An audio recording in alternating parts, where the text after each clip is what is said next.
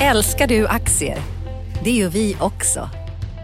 Sea Worldwide Asset Management är en av Nordens största oberoende aktiva aktieförvaltare och har samlad kunskap sedan 1986. Ta del av vår kunskap på seaworldwide.se. Bokstaven C, worldwide.se.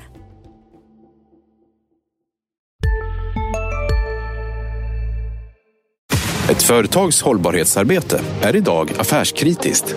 Därför har Dagens Industri, Aktuell Hållbarhet och Ekonomihögskolan i Lund gjort den hittills största granskningen av storföretagens hållbarhetsarbete. På vår konferens Hållbart näringsliv den 27 november har vi vinnarna på scenen och berättar vad de och andra har gjort för att uppnå långsiktig ekologisk och social hållbarhet. Detta är den viktigaste konferensen just nu och i framtiden. Den 27 november. Anmäl dig idag på di.se konferens. Makrorådet från Dagens Industri. Hej och välkommen till Makrorådet. Jag heter Viktor Munkhammar. Med mig idag har jag Anna Breman, chefsekonom på Swedbank och Kristin Magnusson Bernard, chef för den globala makroanalysen på Nordea. Välkomna hit båda två. Tack, Tack så mycket. Eh, extra välkommen till dig kanske Kristin, du är här för första gången. Roligt. Spännande. Ja, ja. Det är korrekt att du är chef för den globala makroanalysen på Nordea? Det är nog snarare så att jag är globalchef för makroanalysen. Jag är ah. chef för alla, alla makroekonomer i banken. Då så, då ska vi se till att, ja då har det blivit rätt och ja, eh, då ska ja, vi förhålla oss till det framöver. Eh, hur som helst, eh, eh, vi, vi, vi står här, det är onsdag förmiddag den 21 november. Då vet ni vad vi har liksom, eh, att utgå ifrån. Eh, och vi ska idag prata om svensk BNP. Är det möjligen så att den faktiskt krympte under tredje kvartalet? Vi ska också prata om ifall den politiska röran nu efter eh, ja, två och en halv månad eh, möjligen till slut börjar sätta lite avtryck i ekonomin. Och så ska det bli spaningar och veckans viktigaste som vanligt. Men jag tänkte vi eh, ska helt kort i alla fall notera att Riksbanken här nu på morgonen kom med en, en ny rapport om den finansiella stabiliteten. Ärligt talat brukar det inte vara så jättemycket action i de här eh, texterna. Det är samma teman sådär. Var det någonting liksom nytt den här gången, Anna, du har kikat som hastigast på den. Ja, nej men det var inte mycket nytt direkt. Däremot så de lyfter fram hushållens höga skuldsättning. Mm. Eh, och det brukar de göra, det är helt oväntat. Men de trycker också helt lite. väntat. Det är helt, helt väntat. ja, Allt ja. annat hade varit eh, Ja, som en, allt annat hade varit som en räntehöjning. Ja, precis. Ja. Eh, nej, men det, det, som är, de trycker lite på det är ändå osäkerheten i omvärlden. Ja. Att det också kan innebära risker. Ja. Och de lyfter fram Italien, Brexit, finns den här risken att eh, man inte får till ett avtal. Eh, och eh, även amerikansk statsskuld och eh, högre räntor i USA, den typen av saker som kan påverka marknaden framöver. Så att, en orolig omvärld lyfter de fram ganska tydligt men i övrigt så är det ingenting som är oväntat. Okej, okay. Kristin, har du något? Ja, jag tycker den mest intressanta spaningen i det här är att man får titta så långt in i rapporten, får titta efter effekten av Riksbankens egen politik, nämligen räntebanan framåt. Eh, då får man gräva ganska långt bak men då kommer det en väldigt intressant chart som för övrigt vi på Nordea hade en helt egen version av ute för ett par dagar sedan, så vi håller med om den här analysen. Och det visar ju att stigande räntor nog är det som kan få mest påverkan på husmarknad och hushållens konsumtion framåt. Och det sätter ju förstås Riksbanken i en ganska knivig situation. Att det är en politik som man vill normalisera. Vi hade Stefan Ingves i finansutskottet där han är rätt tydlig med att man ska förvänta sig räntehöjningar framåt. Men det kan samtidigt, om man inte lyckas tajma det här perfekt, få rätt stora sättningar på bostadsmarknaden. Och det är lite intressant tycker jag att man stoppar mellan raderna. Ja, okej. Okay. Det här att med en, med en så stor skuldstock så blir det också ett, ett litet tramp på bromsen ger en ganska stor effekt. Exakt. Är det det ungefär? Ja. Exakt. Ja. Okej, okay. bra. Eh, då går vi vidare till eh, det första av dagens huvudämnen, nämligen svensk BNP. Den svenska ekonomin har ju vuxit rejält länge nu. Eh, men av de indikatorer som har kommit hittills för det tredje kvartalet så verkar det inte omöjligt att det faktiskt blir så att ekonomin krymper. Inte i årstakt då som är det vi ofta tittar på utan i relation till det andra kvartalet. Vill du börja nu Kristin? Eh, blir det så att vi har en krympande ekonomi? Ja, det tror jag det är stor sannolikhet för. För tittar vi på konsumtionen till exempel så har den varit eh, flat. Ni får ju vänja er vid att min svenska, lite som Dolph Lundgrens, den kan vara ganska knackig efter tio års utomlands. Så vi har alltså ja, flat konsumtion kommer jag säga. Eh, och det gör ju att tittar vi upp det här då och försöker extrapolera den serien så är det stor sannolikhet att konsumtionen faktiskt bidrog då till att BNP på kvartalsbasis föll. Eh, det jag tycker är mest intressant här är att försöka titta ännu lite längre framåt. För att när vi nu får Q3-siffran förlåt, ja, Q3, eh, så är ju den redan lite egentligen outdated jämfört med de ledande indikatorer vi har som faktiskt pekar på något ännu lite fulare. Mm, Okej, okay. men samtidigt just konsumtionen där, en faktor är ju ändå tillfällig, var det här med eh, reglerna kring bilar och miljöbilar. Att jättemånga yes. köpte bilar i juni och så har det varit usla siffror. Eh, kan det vara lite att man får ta den delen av konsumtionsstatistiken med en nypa salt? Ja. Anna, du kommer ja, in här. Det, du sitter och nickar. Jag, ja. jag, tycker att, jag, tycker att, jag tror att, det, precis som Kristina, att det är sannolikt att vi faktiskt får en negativ kvartalstillväxttakt för BNP. Eh, det är samtidigt lite mer svårbedömt än vanligt för många tillfälliga faktorer. Det ena är ju det här med bilarna. Det var jättehög bilförsäljning i juni och det var i andra kvartalet och så sjönk det då kraftigt i tredje kvartalet. Det var en väldigt varm sommar den här sommaren som påverkar. Och sen är det andra saker i BNP den här gången med lager som är osäkert. Det var också högt i Q2, kan bli ovanligt lågt nu i Q3. Det är svårt att se hur det blir med exporten och importen exporten. Exporten har börjat dämpas lite men samtidigt om hushållen konsumerar mindre då kanske importen har gått ner så då kanske nettoexportbidraget eventuellt blir lite högre. Så det finns många olika faktorer som drar lite olika håll. Och sen har du svaga bostadsbyggandet i tredje kvartalet ovanpå det. Så förmodligen blir det en svag siffra men man ska inte se det som att hela ekonomin klappar ihop. För det är en del tillfälliga faktorer och då har du en svag siffra i Q3 då kommer säkert siffran i Q4 se lite bättre ut. Ja. Så jag tycker snarare att man ska se att, och det, det, det har vi vetat länge, att svensk ekonomi toppar ju egentligen redan sommaren 17 alltså för över ett år sedan. Och sen har det varit en avmattning nu. Och det tror vi kommer att fortsätta. Men det är stor skillnad mellan att ha en avmattning och att du har liksom en genomklappning. Även om just den här siffran kan se ganska dålig ut. En, du var inne där på det här med mm. lagerkomponenten. Det är ju en sån där som hoppar runt. Ja. Och den speglar ju kanske inte egentligen, jag menar, är den hög ena så blir den låg andra nästan med automatik. Va? Liksom... Ja framförallt när man då tittar i jämförelse med kvartalet innan som kvartalssiffrorna ja.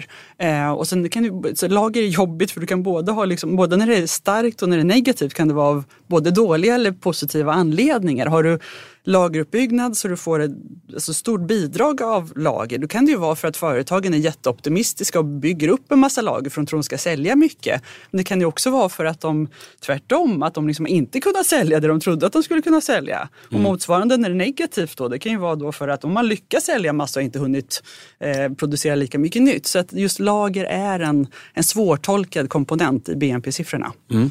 Eh, men Kristin, det låter på dig som att Ja, det blir eh, en minussiffra här i det tredje kvartalet. Vi kan ju säga då att exempelvis Italien väckte en del uppmärksamhet när det var nolltillväxt. Det här skulle alltså vara sämre än Italien då i så fall. Nej, eh, men, men, men, men på bara kvartalet. Ja, på, på, kvartalet menar jag. Eh, men, men, det låter också som att du ser att det är något mer orolig också för, för framtiden. Att det inte bara blir att det är ett tillfälligt dåligt kvartal. Nej, men precis som Anna så har ju det här toppat och nu är frågan hur långt ner vi ska. Eh, och där blir det ju intressant för dels så kommer sannolikt den här siffran revideras. Så det vi får är inte det slutgiltiga. Men det som sitter igång här nu är ju hur vi uppfattar när siffrorna är på väg neråt. Det är något vi ska prata lite mer om en, om en stund hoppas jag. För att nu går ju alla revisionerna åt nedåtsidan istället för att uppåt. Och då, innan vi slog på inspelningsknappen här så pratade vi lite om vad man kommer sätta för rubriker på den här siffran. Och det gör ju att liksom storyn nu kring vad som håller på att hända blir viktigt för till exempel investeringar, för hushållens konsumtion. Kommer man skjuta upp lite inköp av sällanköpsvaror och så vidare. Så att det blir väldigt mycket psykologi när det blir den här typen av vändpunkter. Och kanske särskilt eftersom det ju sammanfaller med att det är väldigt, väldigt oroligt på, på börsen. Exakt. Ja. Okej, okay. lite psykologi kommer in i det här också. Bra! Eh, vill ni säga något mer om det här eller ska vi gå vidare? Vi går vidare. Vi går Eller? vidare. Ja, vi, vi går vidare. Vi ja, återkommer men, till jag, men jag tycker ändå att det är ändå viktigt att se att en enskild kvartalssiffra, även om den är negativ, betyder ju inte att vi har en recession i landet. Som Nej, det är ju ingen slump Nej. att en vanlig definition på just recession är två kvartal Precis. på raken med krympande ekonomi. Nej, och sen är det ju så att vi kommer ju ha fel angående vad det här riktigt betyder oavsett vad vi säger. Ja. Så det är bra om vi kan få så att säga hedga lite här och ha lite, ja. lite, lite Just det. Och, och sen ska ju SCB våra... komma med, jag menar, det var inte länge sedan vi fick veta hur ekonomin utvecklades 2016 för det kom revideringar. Exakt. Vi håller oss faktiskt kvar i svensk ekonomi men med liksom politikaspekten på det. Det var ju ett rörigt valutslag som de allra flesta vet. Samtidigt så har ni och andra bedömare många gånger påpekat att ja, absolut, men det är ordning och reda i de svenska statsfinanserna. Eh, omvärldens förtroende för det svenska politiska systemet, eller vad man ska kalla det, är, är gott. Så det gör inte så mycket att det är stökigt. Men nu har det gått ganska lång tid sedan valet. Eh, vi har fortfarande ingen regering. Eh, det är oklart vad det är för budget som kommer gälla för nästa år. Eh, och det påverkar ju rimligen de som behöver ha en budget att förhålla sig till, exempelvis kommuner och landsting som ju mm är viktiga ekonomiska aktörer. Anna, börjar det liksom mosa lite katt nu ändå kring den här eh, politikröran kontra ekonomin eller är det fortfarande så att det inte har så stor betydelse? Alltså, precis för siffrorna som kommer nu har det ju inte betydelse men inför nästa år så börjar det ha betydelse, ja. Eh, vi vet ju inte vilken budget vi ska få ännu. Vi har ju fått en övergångsbudget som lades fram förra veckan och den blir ju i praktiken lite åtstramande mot vad man hade kunnat förvänta sig om man hade en regering. För då hade man säkert gjort fler åtgärder. Den här övergångsbudgeten, om man, om man ska vara lite teknisk så är det ju bara att man i stort sett skriver fram den gamla budgeten. Lite justeringar för priser och sen så har man, ja det man faktiskt la fram som är ett förslag det är ju sänkta pensionärsskatter, det är 4 miljarder. Men så var det exempelvis inte pengar till kommunerna som var förväntade, precis det du säger. Och kommunerna behöver kunna planera inför nästa år och de ska ha balans i sin budget så att om de vet att okej, okay, vi får inte de här pengarna vi hade förväntat oss. Då kanske de, behöver, de kanske får avstå från nyanställningar exempelvis eller ersätta personal som slutar om man inte vet att man får de pengarna. Men nu är vi i det här konstiga politiska läget då när vi har en övergångsregering och partierna har ju lätt att lägga en oppositionsbudget och det är kanske är någon av dem som går igenom så vi kanske ändå får en mer aktiv budget. Men vi vet inte. Och det kommer eh, ganska nära in på det nya året. Och, ja, ja, precis. Och det man ska veta med budgetarbetet är att inkomstskatter kan bara ändras vid årsskiftet. Sen har vi en vårändringsbudget, så när vi väl har fått en ny regering så kan de lägga eh, budgetförslag men inte ändra själva inkomstskatterna. Man kan ändra moms exempelvis eller energiskatter och sådana saker men inkomstskatten är bara en gång per år och det är vid årsskiftet. Ja. Och det är därför pensionärsskatterna kommer med. Ja. Så ditt svar är ett, ett lite, lite försiktigt ja, det börjar bli ett ekonomiskt problem? Ja, alltså två saker. För det första är det lite faktiskt konjunkturmässigt om eh, man inte får lite mer satsningar som man annars hade kunnat förvänta sig. Och sen är det den här saken som vi brukar tjata om, det är ju att liksom, du får ju inga större reformer. Allt det här som vi ekonomer brukar vilja se, arbetsmarknad, bostadsmarknad, det drar ju ut på tiden och det är ja. ju inte bra för ekonomin. Kristin, hur ser du på det? Jag tycker nog det mest spännande här eh, är att se om vi kommer få mer aktiv politikmakande i riksdagen. Därför att vi har ju faktiskt en situation nu där då man ska lägga oppositionsbudgetar. Till och med Socialdemokraterna kan lägga en oppositionsbudget på sig själva så att säga. Och vi vet också att vi har en majoritet för skattesänkningar i riksdagen. Och om nu Moderaterna skulle vilja ta chansen så bäddar det här ju för att de faktiskt kommer med en budget som är mer så att säga aktiv som de då skulle kunna få igenom eftersom Alltså, ni, ni, känner ju säkert till hur det går till när man röstar om budgeterna. Då börjar man från minsta partiet och så går man till det största och så lägger man ner rösterna efterhand. Och det gör att i praktiken kommer då Socialdemokraternas budget ställas mot Moderaternas. Eh, så, så det, det, finns ju en möjlighet att vi faktiskt får en mycket så att säga, mer så att säga, politisk budget som har skapats i riksdagen. Och det vore en jätteskillnad mot hur det normalt brukar vara att politiken kommer från regeringskansliet och mer eller mindre stämplas igenom i riksdagen. Och det var lite spännande att se det Och om det här då kan få bäring på andra områden, att det blir en mycket mer aktiv riksdag. Ja okej, okay. så att eh, liksom, eh, makten flyttas lite från regeringen som vi väl förmodar blir svag oavsett Exakt. hur den kommer se ut och att mera av politiken görs bakas som du i, ja. i riksdagen. Ja, mm. all right. eh, bra, vi, vi får se. för kanske är det så att vi till nästa podd kommer ha en budget. Jag har inte datumen riktigt i huvudet. Eh, vi, får, vi får hoppas det att det blir den i alla fall. Nej, och sen, jag, jag har en, en tanke till på det här. En annan, ja. någon, någonting annat som just så småningom kommer börja hända här är ju att man förtroendet för politiker urholkas. För att någonstans har vi ju valt de här människorna för att de ska faktiskt fatta beslut. Och fattas det inga beslut så kommer ju förtroendet från väljarna inte vara så högt. Och den, för mig är jag faktiskt lite mer orolig för det på sikt, för förtroendet för det politiska systemet om, om man inte då ser det här som att man utför sitt uppdrag. Hur det kommer gå. Mm. Nej, men jag, jag delar den oron, men jag tycker det blir lite felaktigt. För jag tycker att politikerna måste ändå kunna, vi måste ge dem en chans att anpassa sig till det här nya läget som det ändå är i svensk politik. Och jag tycker att det blir olyckligt om man ser det bara av ondo att det tar lite tid. För att man kanske, när man gör olika beslutsprocesser, ibland så kan det vara bra att låta det ta lite tid. Gör man för snabba beslut i ett nytt politiskt läge, då kan det ju bli felaktigt. Jag tänker på, det har ju varit några av de här senaste tidens stora event. Sista dagarna nu på vårens stora season sale. Passa på att göra sommarfint hemma, både inne och ute och fynda till fantastiska priser. Måndagen den 6 maj avslutar vi med Kvällsöppet i 21. Välkommen till Mio. Hej, Synoptik här. Visste du att solens UV-strålar kan vara skadliga och åldra dina ögon i förtid? Kom in till oss så hjälper vi dig att hitta rätt solglasögon som skyddar dina ögon. Välkommen till Synoptik. Som påverkar väldigt eh, liksom, politiska beslut fattade lite hast exempelvis eh, Cameron som av eh, internpolitiska, partipolitiska skäl utlyste Brexit-folkomröstning och så gick det som det gick. Det var ju inte riktigt så han hade tänkt sig. Så att jag tror att lite is i magen och att politikerna tar lite tid på sig behöver egentligen inte vara av ondo, även om det skapar risker även liksom rent eh, ekonomiskt. Men jag hoppas att, att, att väljarna har lite förtroende för politikerna och låter dem ta lite tid på sig. Ja. ja men jag tror ändå man måste komma till en debatt i sakfrågor för att annars så blir det också väldigt otydligt vad man egentligen röstar, röstar på om vi nu skulle gå mot en situation med nyval som ser allt mer troligt ut. Och vad, vad ska man då, hur ska man överhuvudtaget veta vad det är man förhåller sig till? Och då, och då tror jag ändå att det kanske har mer att göra med min bakgrund som diplomat, att i något läge så behöver man faktiskt sätta sig ner och förhandla och förhandla med så många som möjligt, få se vad det finns för gemensamma ytor att fatta beslut på. Det pågår kanske bakom kulisserna men i så fall är det väldigt tyst om det. Ja. Bra, tack för det. Spännande. Vi kommer återkomma till det här, det vågar jag nästan lova.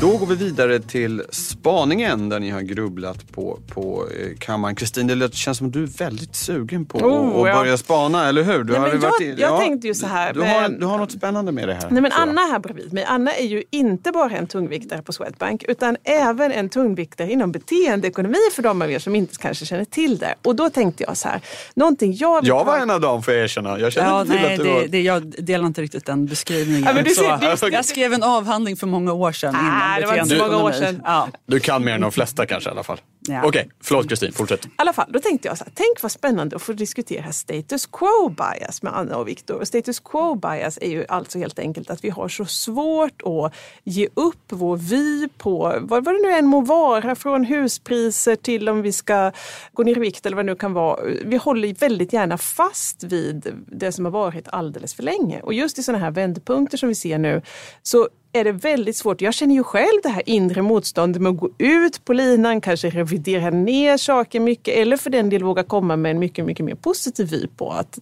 någonting faktiskt kan bli väldigt mycket bättre än förväntat. Och då tänkte jag så här, vad tycker ni att vi ser mest status quo bias just nu? Och är det här ett problem eller inte? Och svensk politik är ett sånt område där man ser mycket status quo bias. Vi har svårt att släppa det att vi lever i en ny politisk miljö. Att alla kanske måste kompromissa som du säger.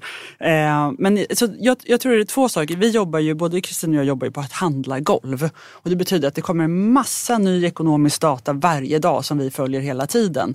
Och när man sitter med prognoser då, då blir det lätt att man tar intryck av allt som kommer hela tiden. Och att det blir lätt att man blir lite väl hoppig kan jag tycka. Att man har lätt att ändra sig. Oj, nu var det lite negativt negativ data tror man att allt ska gå åt fanders och så kommer lite positiv data tror man att nu blir det egentligen allting jättebra.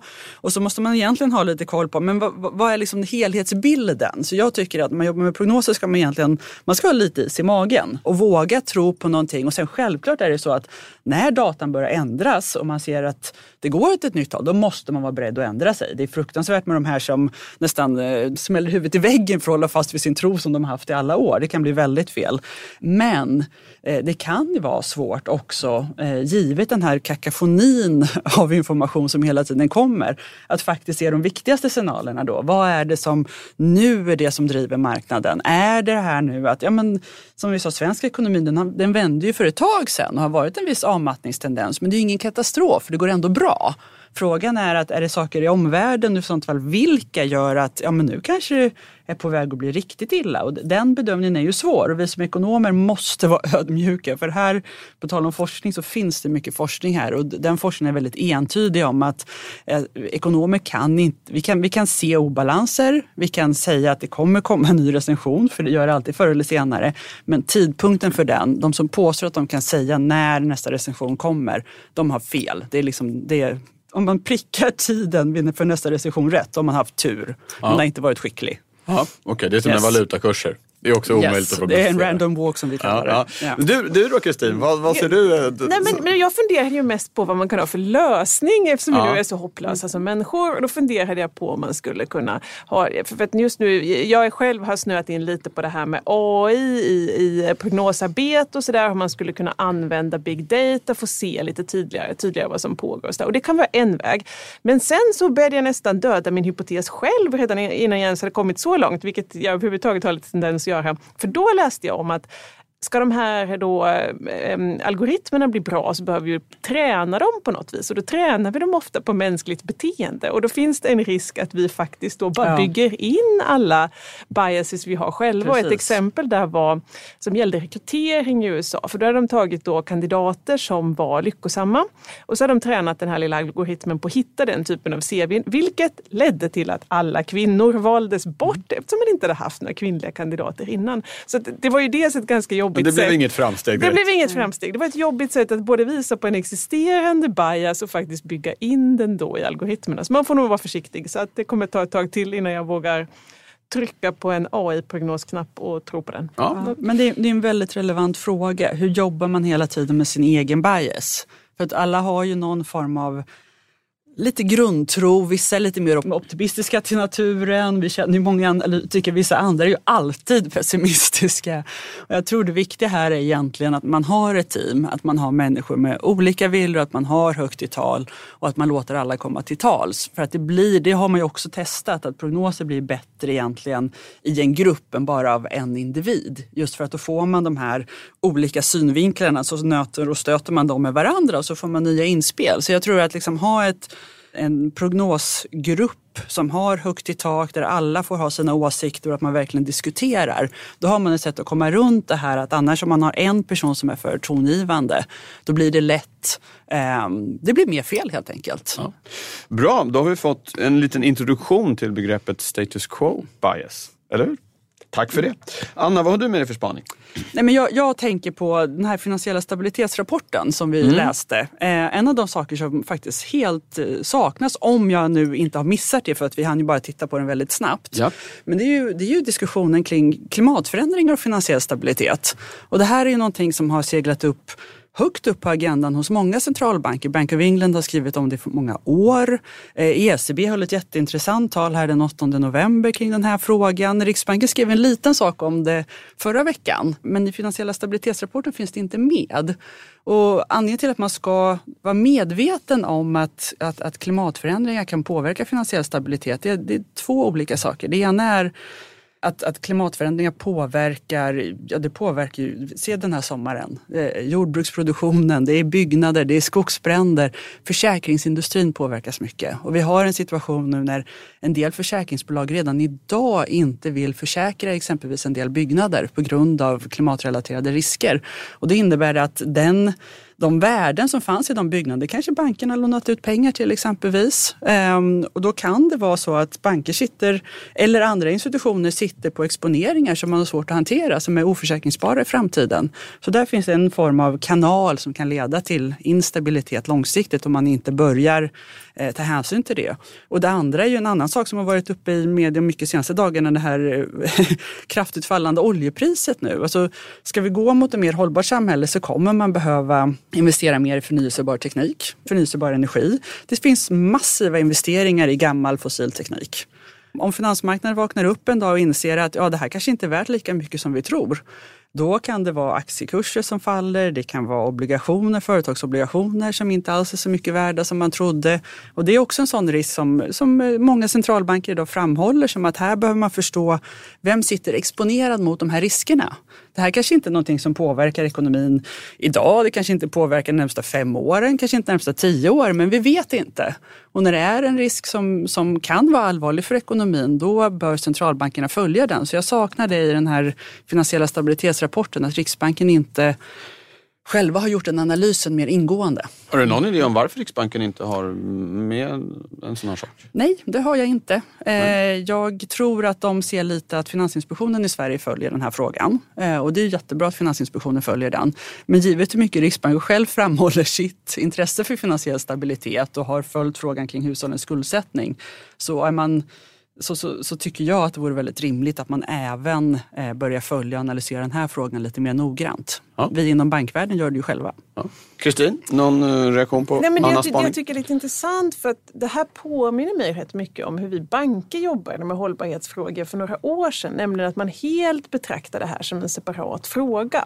Och sen fattar man att nej, men det här går rakt in i då affären och analysen, allt det vi gör. Och där jag upplever att många av centralbankerna fortfarande är att man ser det här som något rätt separat. Och det här, precis som Anna berättar om här, så kommer det här ju direkt påverka finansiell stabilitet, det kommer direkt påverka inflation. Så det är egentligen det är en ny faktor som ändrar ekonomins funktionssätt och därmed går rakt in i de beslutsvariabler man har. Och, men jag tror inte man har kommit till att se den där länken än, utan Nej. man ligger helt enkelt lite efter. Det var ju mycket så vi började på bankerna först också. Vi hade speciella hållbarhetsteam och de satt någon annanstans än resten av affärsteamen. Och sen fattade man egentligen rätt snabbt att det här kommer ju snart bli det normala, inte det ovanliga så att säga. Men, men där, dit är det ju uppenbart, uppenbarligen en bit kvar. Bakläxa till Riksbanken alltså här. Som vanligt tänkte jag säga. alltså, det ångrar jag genast att jag sa det. Nej, men, okay, jag tycker det finns en, intressant, på band. en intressant koppling här till det, det, vi pratade om alldeles nyss. För att det är ju ett otroligt fokus på hushållens skuldsättning i den här rapporten. Mm. Och det är en jättestor och en jätterelevant risk. Men på tal om status quo bias. Det finns ju alltid en risk när det då gäller var nästa kris kommer. För ja. vi vet alltid att den kommer utifrån något annat som vi inte har förutsett. Och att då eh, sikta in sig rätt hårt på en viss typ av sårbarhet kan ju göra att man missar nästa. Ja. Och det är sällan så att nästa kris kommer från exakt där den förra var för då har man ju byggt upp regelverk och massa andra saker för att förhindra att det händer igen. Så det är just därför det är så viktigt att faktiskt försöka titta lite bredare och hitta var kan vi ha nya risker och det är svårt men det är ju deras uppgift att vara innovativa och följa den internationella debatten och den ligger långt fram. Ja. Bra, tack för det. Vi går vidare till eh, den sista punkten på dagens agenda, nämligen veckans viktigaste. Alltså, vad får man absolut inte missa att hålla koll på den allra närmaste tiden? Anna, vad har du med dig där som du tänker kika ja, på? För svensk del BNP då, eh, viktigt. Men globalt, 29 november. 29 november. Eh, globalt, OE, eh, inte OECD, G20 har möte. Och det är så mycket globala faktorer som påverkar utvecklingen nu. Framförallt den här handelskonflikten USA-Kina. Nu har dessutom eh, Trump varit ute och pratat om tullar mot europeiska fordon. skulle påverka Sverige väldigt mycket. Biltullar om det kommer. Så att om det händer någonting på det mötet, kanske någon eh, mer positiv skulle ju vara fantastiskt. Med tanke på börskurser och annat men det kan ju också komma ut negativ information så det är viktigt. Och sen ska man ju inte glömma det som är pågående och det är ju Brexit.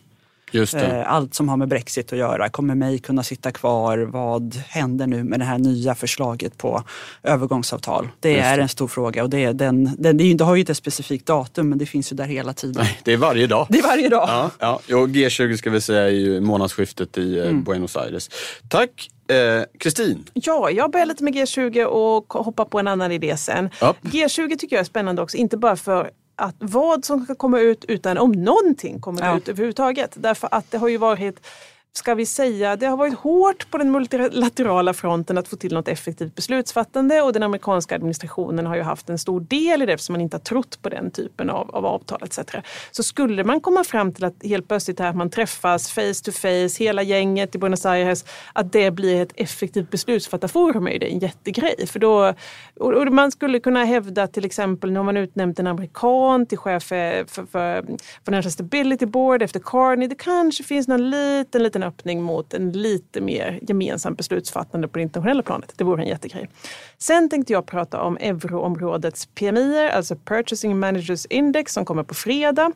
Det har varit eh, rätt så, ja vad ska man säga, svag till mycket svag data som kommer ut ur euroområdet och skälet till att det här är intressant är att vi ju allt mer får en bild av försvagad tillväxt både i Sverige och i omvärlden samtidigt som centralbankerna ska börja trycka på höjningsknappen kanske. Eh, och, den där kombinationen eh, av att ligga så sent i cykeln när man börjar eventuella höjningar, den är både extremt ovanlig och ganska potentiellt eh, problematisk. Så Just därför det. är det en intressant fråga. Preliminära inköpschefsindex för november för euroområdet Exakt. kommer på fredag. Bra! Då tackar jag er två. Eh, jag tackar också dig, er som har lyssnat. Makrorådet är tillbaka om eh, två veckor. Tills dess så kan du lyssna på andra poddar här från Dagens Industri, exempelvis Analyspodden som kommer varje fredag, Digitalpodden, den nya podden Morgonkoll så du får med dig allt du behöver innan arbetsdagen har börjat och förstås Förnuft och känsla, Ledarskapspodden där det är lite så kallade mjuka värden som, som diskuteras snarare än hårda siffror. Så mycket nöje med det och ha det så bra till nästa gång. Tack för idag. Hej hej! Makrorådet från Dagens Industri. Podden klipps av Umami Produktion. Ansvarig utgivare Peter Fällman.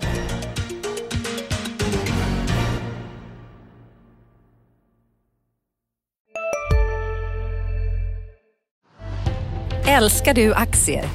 Det gör vi också. Sea Worldwide Asset Management är en av Nordens största oberoende aktiva aktieförvaltare och har samlad kunskap sedan 1986. Ta del av vår kunskap på seaworldwide.se. Bokstaven C, worldwide.se